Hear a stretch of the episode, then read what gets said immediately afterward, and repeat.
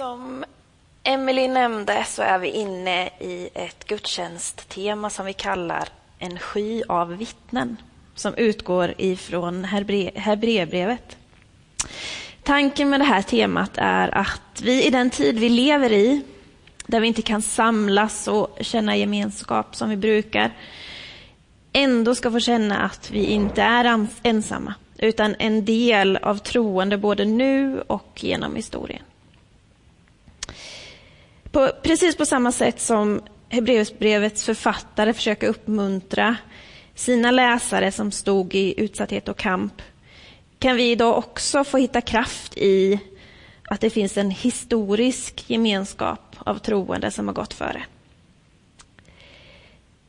Fredrik pratade om detta för två söndagar sedan och eh, Sara tog oss med till Abraham och att leva i tro förra söndagen. Och nästa söndag tror jag det är Mose. I texten i Hebreerbrevet så nämns också andra välkända personer som trons vittnen. Där finns också Noa, och Abel, där finns Isak och profeterna. Det står att de genom tro kunde inta kungariken, de kunde släcka rasande eld, de kunde stänga lejonens skap och utöva rättfärdighet. Och mitt bland dessa stora män som vi ofta hört talas om ända sedan söndagsskolan så finns Rachav. Jag läser från Hebreerbrevet 11, vers 30 till 31. Och den första versen där, 31, är ju med för att vi ska få sammanhanget, sammanhanget som hon finns i. Genom tron föll Jerikos murar sedan man gått runt om i sju dagar. Genom tron undgick skökan Rachav att dödas tillsammans med dem som vägrade tro. Ty hon hade tagit emot spejarna som vänner.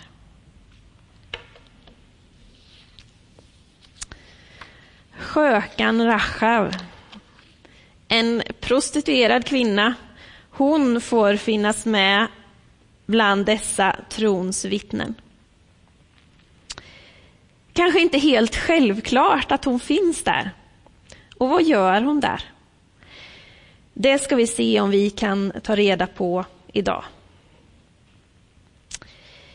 Rachav bor alltså i Jeriko.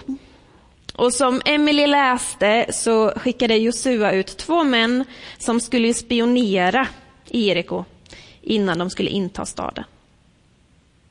Och de här två männen de kommer till Rachav. Och med tanke på hennes sysselsättning som prostituerad så kanske det var ett, ett bra ställe där man kunde komma och gå lite så här utan att bli upptäckt. Men kungen i Jeriko får ändå reda på att de är där och vad de gör. Och vad gör Achav då? Jo, hon ljuger för sin kung. Och hon skickar till och med kungens män åt fel håll. Och Josuas män de gömmer hon under linhalmen på taket.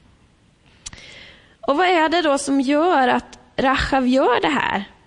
Hon ljuger för sin kung, hon begår landsförräderi, hon skyddar sina fiender. Jo, när kungens män är borta så går hon upp till Josuas män på taket. Hon ger dem och även oss då förklaringen. Hon berättar hur de har hört om att hav har vikit åt sidan och att andra kungar har förintats.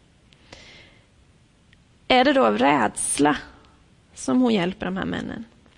Ja, vi läser Josua 2, vers 11 igen, för där säger hon så här. 2 och 11. När vi fick höra det rann vårt mod bort och vi kände oss maktlösa inför er. Ty Herren, er Gud, är Gud uppe i himlen och nere på jorden. Ta det en gång till. Ty Herren, er Gud, är Gud uppe i himlen och nere på jorden. Den här samma formulering finns även till exempel i femte Mosebok om att Gud är Gud uppe i himlen och nere på jorden. Och Racha ger ju här männen, men kanske framförallt Gud, tänker jag, sin trosbekännelse. Hon har förstått att det är Gud som är den verkliga guden. Han som rår i himlen såväl som på jorden. Och det är denna tro som hon har, det är den som gör att hon vågar gå emot sitt eget folk. Och det är också denna tro som får henne att be om nåd, att, som får henne att få männen att lova att hon och hennes familj ska skonas.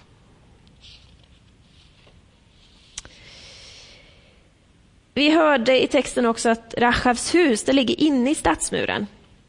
Så hon har alltså ett fönster som vetter ut utanför staden. Och jag läste någonstans att man har hittat sådana här hus vid utgrävningar. Alltså hus som byggdes ihop med stadsmuren och gav extra, extra stadga åt den. Och eftersom hon bor där, liksom i kanten av staden, så kan hon ju hjälpa männen att fly genom att hissa ner dem med ett rep genom fönstret. Även att stadsportarna har stängts för att de egentligen inte ska kunna smita. Männen säger sedan till henne det här att eh, för att de ska kunna hålla sitt löfte så ska hon binda det repet som hon har hissat ner dem med, ett rött snöre. Det ska hon binda i fönstret så det hänger ut utanför stadsmuren när de sen kommer för att inta staden. Och I texten som Emily läste så lämnar vi ju henne där när hon binder det här röda snöret i fönstret hängandes ner mot stenmuren.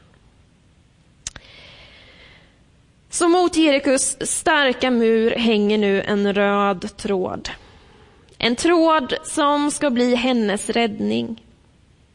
Och Det finns, känns som det finns så otroligt mycket symbolik i den här röda tråden. Den är röd som Jesu blod. Det blod som blir allas vår räddning när han dör på korset för vår skull. Det är ett löftestråd. Löftet om att Gud räddar. För vad är det som händer sen? Jo, Jerikos murar de faller när Josuas här tågar runt dem i sju dagar och staden intas. Och vi får några kapitel senare veta hur det går med Rachav. Jag läser från Josua kapitel 6, vers 25.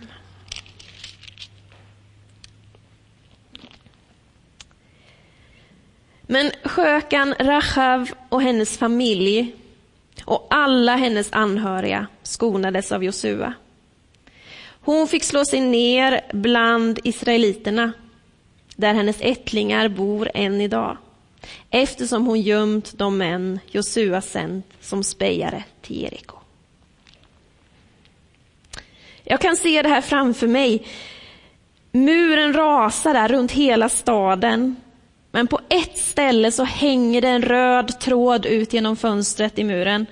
Och just den delen av muren, den står kvar. I det här kaoset så räddas Rachav och hennes familj där den röda tråden hänger. Och inte nog med att hon blir räddad. Hon får även följa med Josua och hans folk. Hon och hennes familj får bli en del av den skara som tror på samma Gud som hon tror på. Här kunde ju Rachavs historia ha slutat. Gud har räddat henne och hon får bli en del av Guds folk. Men den röda tråden den slutar inte här. Nästa gång som Rachav dyker upp i Bibeln så är det i Matteus evangeliets första kapitel. Och vad är det vi hittar i Matteus evangeliets första kapitel? Jo, där har vi Jesus släkttavla. Släkttavlan för Jesus, son av David. Och den börjar med att räknas upp Abraham, Isak och Jakob. Men när vi kommer till vers 5, då kommer det här som är spännande. Alltså Matteus 1, vers 5. Salma var far till Boas, vars mor var Rachav, Boas vars mor var Rachav.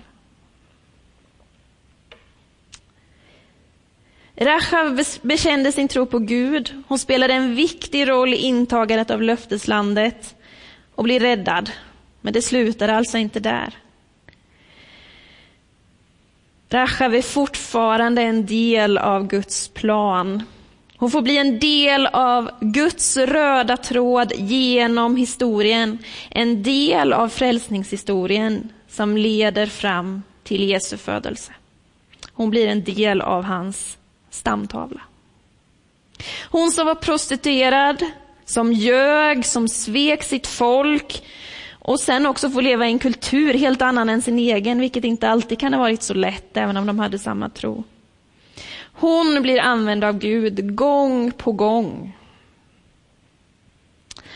Och här finns för mig hennes värde i att finnas med i en sky av vittnen. Bland Abraham och Mose och många fler.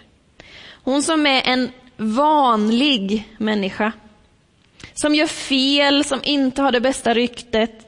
Hon är ändå ett trons vittne och en del i Guds plan. Då kanske även jag, när jag känner mig fel eller liten eller ensam, också jag kan kanske då få vara värdefull i Guds ögon. Det här är en igenkänning som kan göra mig delaktig. Det är ju så att de andra i skyn och vittnen är ju inte perfekta de heller. Men här hos Racha, ja, även om jag inte känner mig som en patriark som Abraham eller som en stor ledare som Mose blev. Här kan jag känna att jag också får vara värdefull och ha en del i Guds plan. Den röda tråden som hänger kvar när murarna rasar runt omkring. Den får vara en symbol för mer än bara Rachavs räddning. Den blir allas vår räddning. När Gud låter Rachav bli en del av den röda tråd som leder fram till Jesu födelse. Den röda tråd som fortsätter genom historien, genom Jesus och fortsätter framåt. En nåd som räcker genom tid och rum.